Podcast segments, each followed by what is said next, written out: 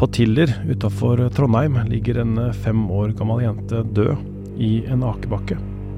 Det er lørdag 15.10.1994, og Silje Marie Redgaard er påført omfattende skader, og dør antageligvis fordi hun blir nedkjølt. Raskt blei mistanken retta mot tre gutter som var fire, fem og seks år. Politiet mente de tre barna hadde kledd henne naken, slo og sparka henne, før de etterlot henne hjelpeløs for å dø i snøen. Nå har ny etterforskning vist at det ikke er noe bevis for at guttene skada henne, og saken henlegges nok en gang. Jeg heter Tor Erling Tømtrud, og dette er Krimpodden i VG.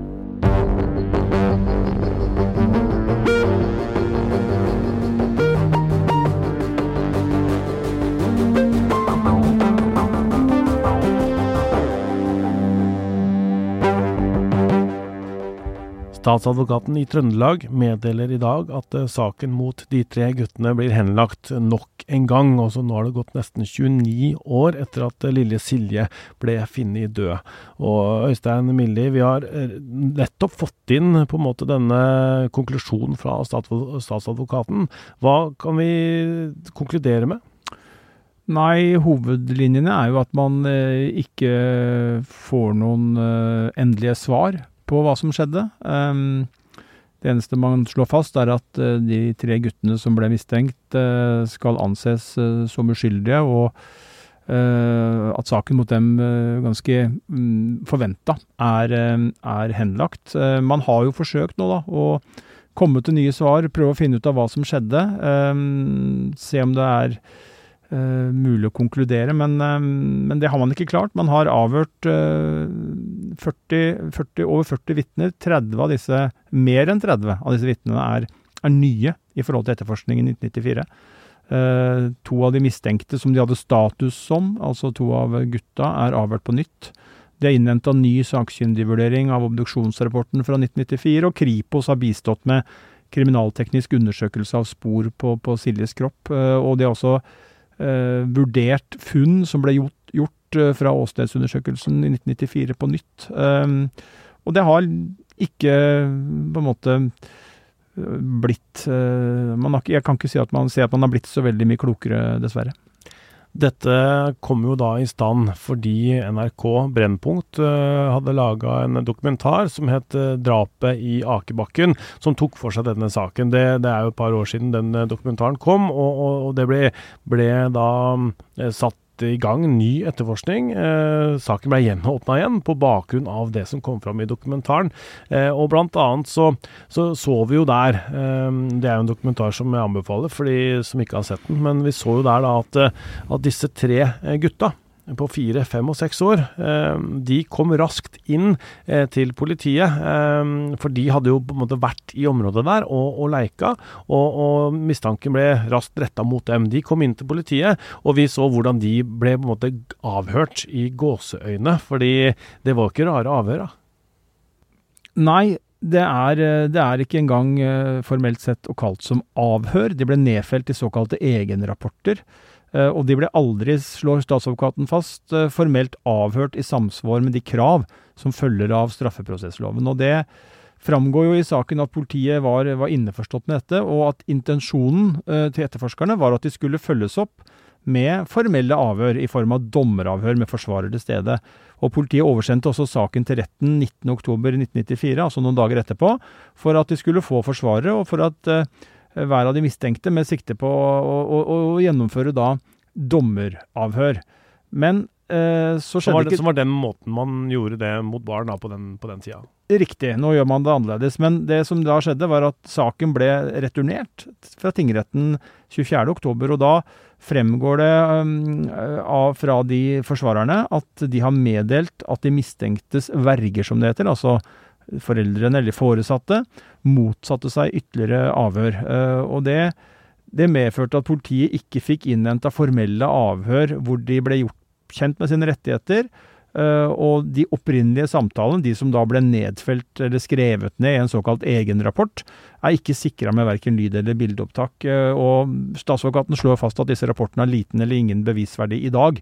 Men det er viktig å presisere da i det hele bildet her at ut fra det statsadvokaten skriver her, så hadde politiet en prosess på gang for å gjennomføre flere avhør og mer, eller avhør, og at de skulle være i ordna former, men at det da ikke ble noe av fordi at advokatene til, til gutta benytta den muligheten som er deres helt opplagte rett, nemlig at man da ikke ville øh, forklare seg videre. Men poenget var vel at uh, i disse første samtalene da, med disse gutta, så, så, så ja, kom det vel ikke en, en, tilståelse, men det ble på en måte klart at disse gutta hadde vært der, og politiet regna det som om det var de som, de som sto bak? Ja, man konkluderte jo da, øh, eller i hvert fall, ja, om man skal kalle det konkluderte, men man kom i hvert fall med en hovedhypotese som var bygd på et veldig svakt grunnlag, og som jo har vært kritisert og blir kritisert. Um, og, ehm, og, og, så er det jo Det man nå har fått av svar da i, i den nye etterforskninga, er at de legger til grunn at Silje ble påført vold mellom klokka halv ett og halv to den dagen. Uh, og den nye etterforskninga har ikke gitt opplysninger som endrer dette tidsrommet. Og så slår man jo nå da fast at uh, både obduksjonen fra 94 og den nye sakkyndigrapporten fra 2022 konkluderer begge med at, med at Silje har blitt utsatt for vold, uh, men at den sannsynlige dødsårsaken er oppgitt å være nedkjølingen. Volden den var ikke av en slik karakter at den i seg selv førte til at Silje avgikk ved døden, skrives det. Um, og saken ble i 1994 da koda, sånn rent formelt, som legemsbeskadigelse med døden til følge. Og det er en vurdering som statsadvokaten er enig i i dag. Det vil si at det ikke er et drap? Det er riktig. Det er sånn at uh, Sånn som man må tolke dette, så er det at hvis det ikke hadde vært kaldt, og det ikke hadde vært nedkjøling, så kunne Og sannsynligvis ville da dette fått et annet utfall. Men det var skadene som gjorde at hun da ble liggende der, og så var det da dødsårsaken nedkjøling. Mm. Eh, og det er det statsadvokaten skriver da i det, den pressemeldingen som vi har fått her, som er ganske omfattende, faktisk. Eh, de, de, skriver at dette er da en, en, en Jeg vil kalle det vold, da, som, som fører til eh, en død. Ikke et drap, men de, det som det står her, vi har notert oss at NRK Brennpunkt har satt drapet i Akebakken som tittel på serien. Så de mener vel at det er misvisende, da.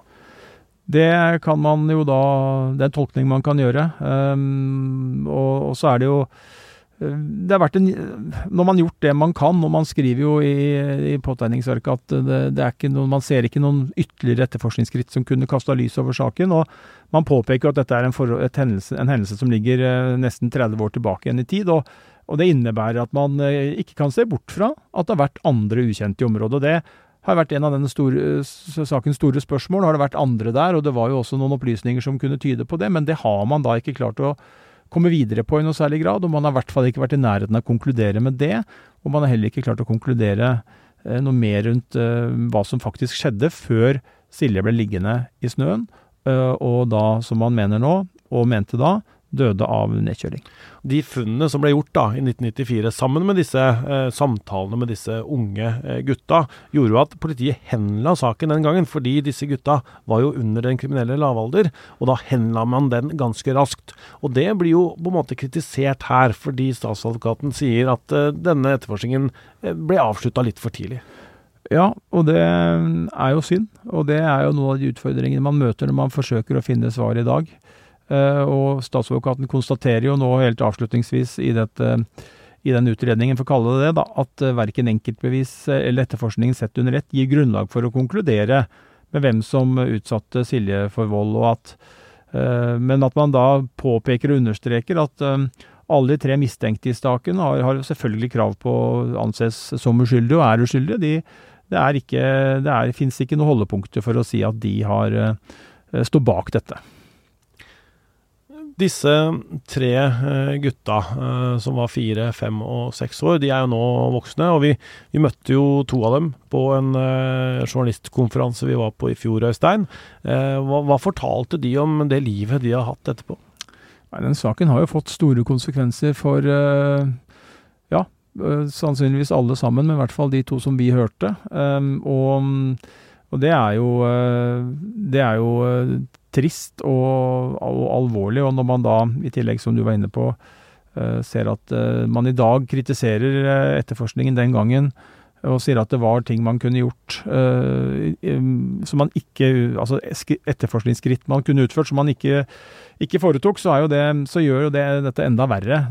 At man da påpeker jo at man bl.a. Eh, ikke sikra og analyserte beslagene som politiet hadde foretatt godt nok. Eh, og det at man da konkluderte, for å kalle det det, og pekte på disse tre eh, som eh, Kall det gjerningsmenn, i anførselstegn, eh, uten at man hadde etterforska så bredt som man burde, det, det gjør jo denne saken eh, enda mer alvorlig. Det at denne saken nå blir henlagt da, nok en gang, er det et et endelig punktum, eller hva, hva skal man kalle det? Det tror jeg. Da må det dukke opp noe helt nytt eh, og noe helt eh, annet enn det man har klart å finne nå. og det, det, fremstår som man nå har gjort det man kan, og problemstillingen her er jo at dette ligger langt tilbake igjen i tid, og man mangler jo en del av beslagene um, som er utlevert tilbake igjen. Og man har um, Uh, man har ikke DNA, man har ikke noen video eller elektroniske spor.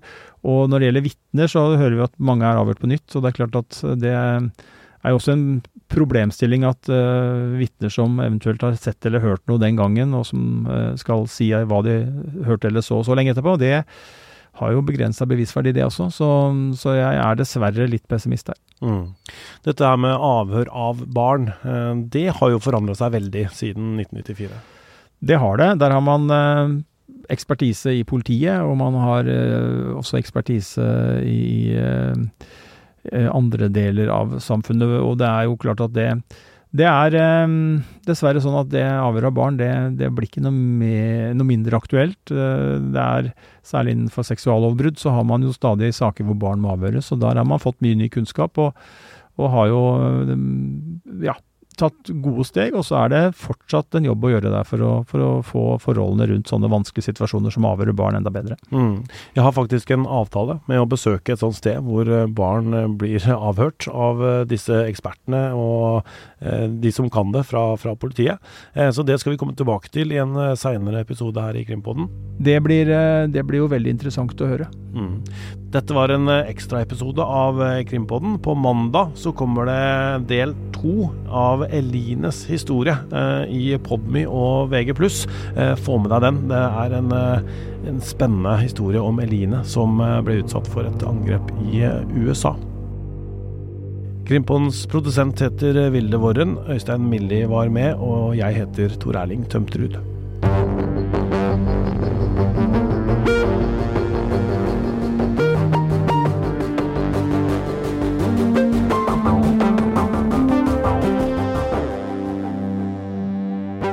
Har hørt en podkast fra VG. Ansvarlig redaktør, Gard Steiro.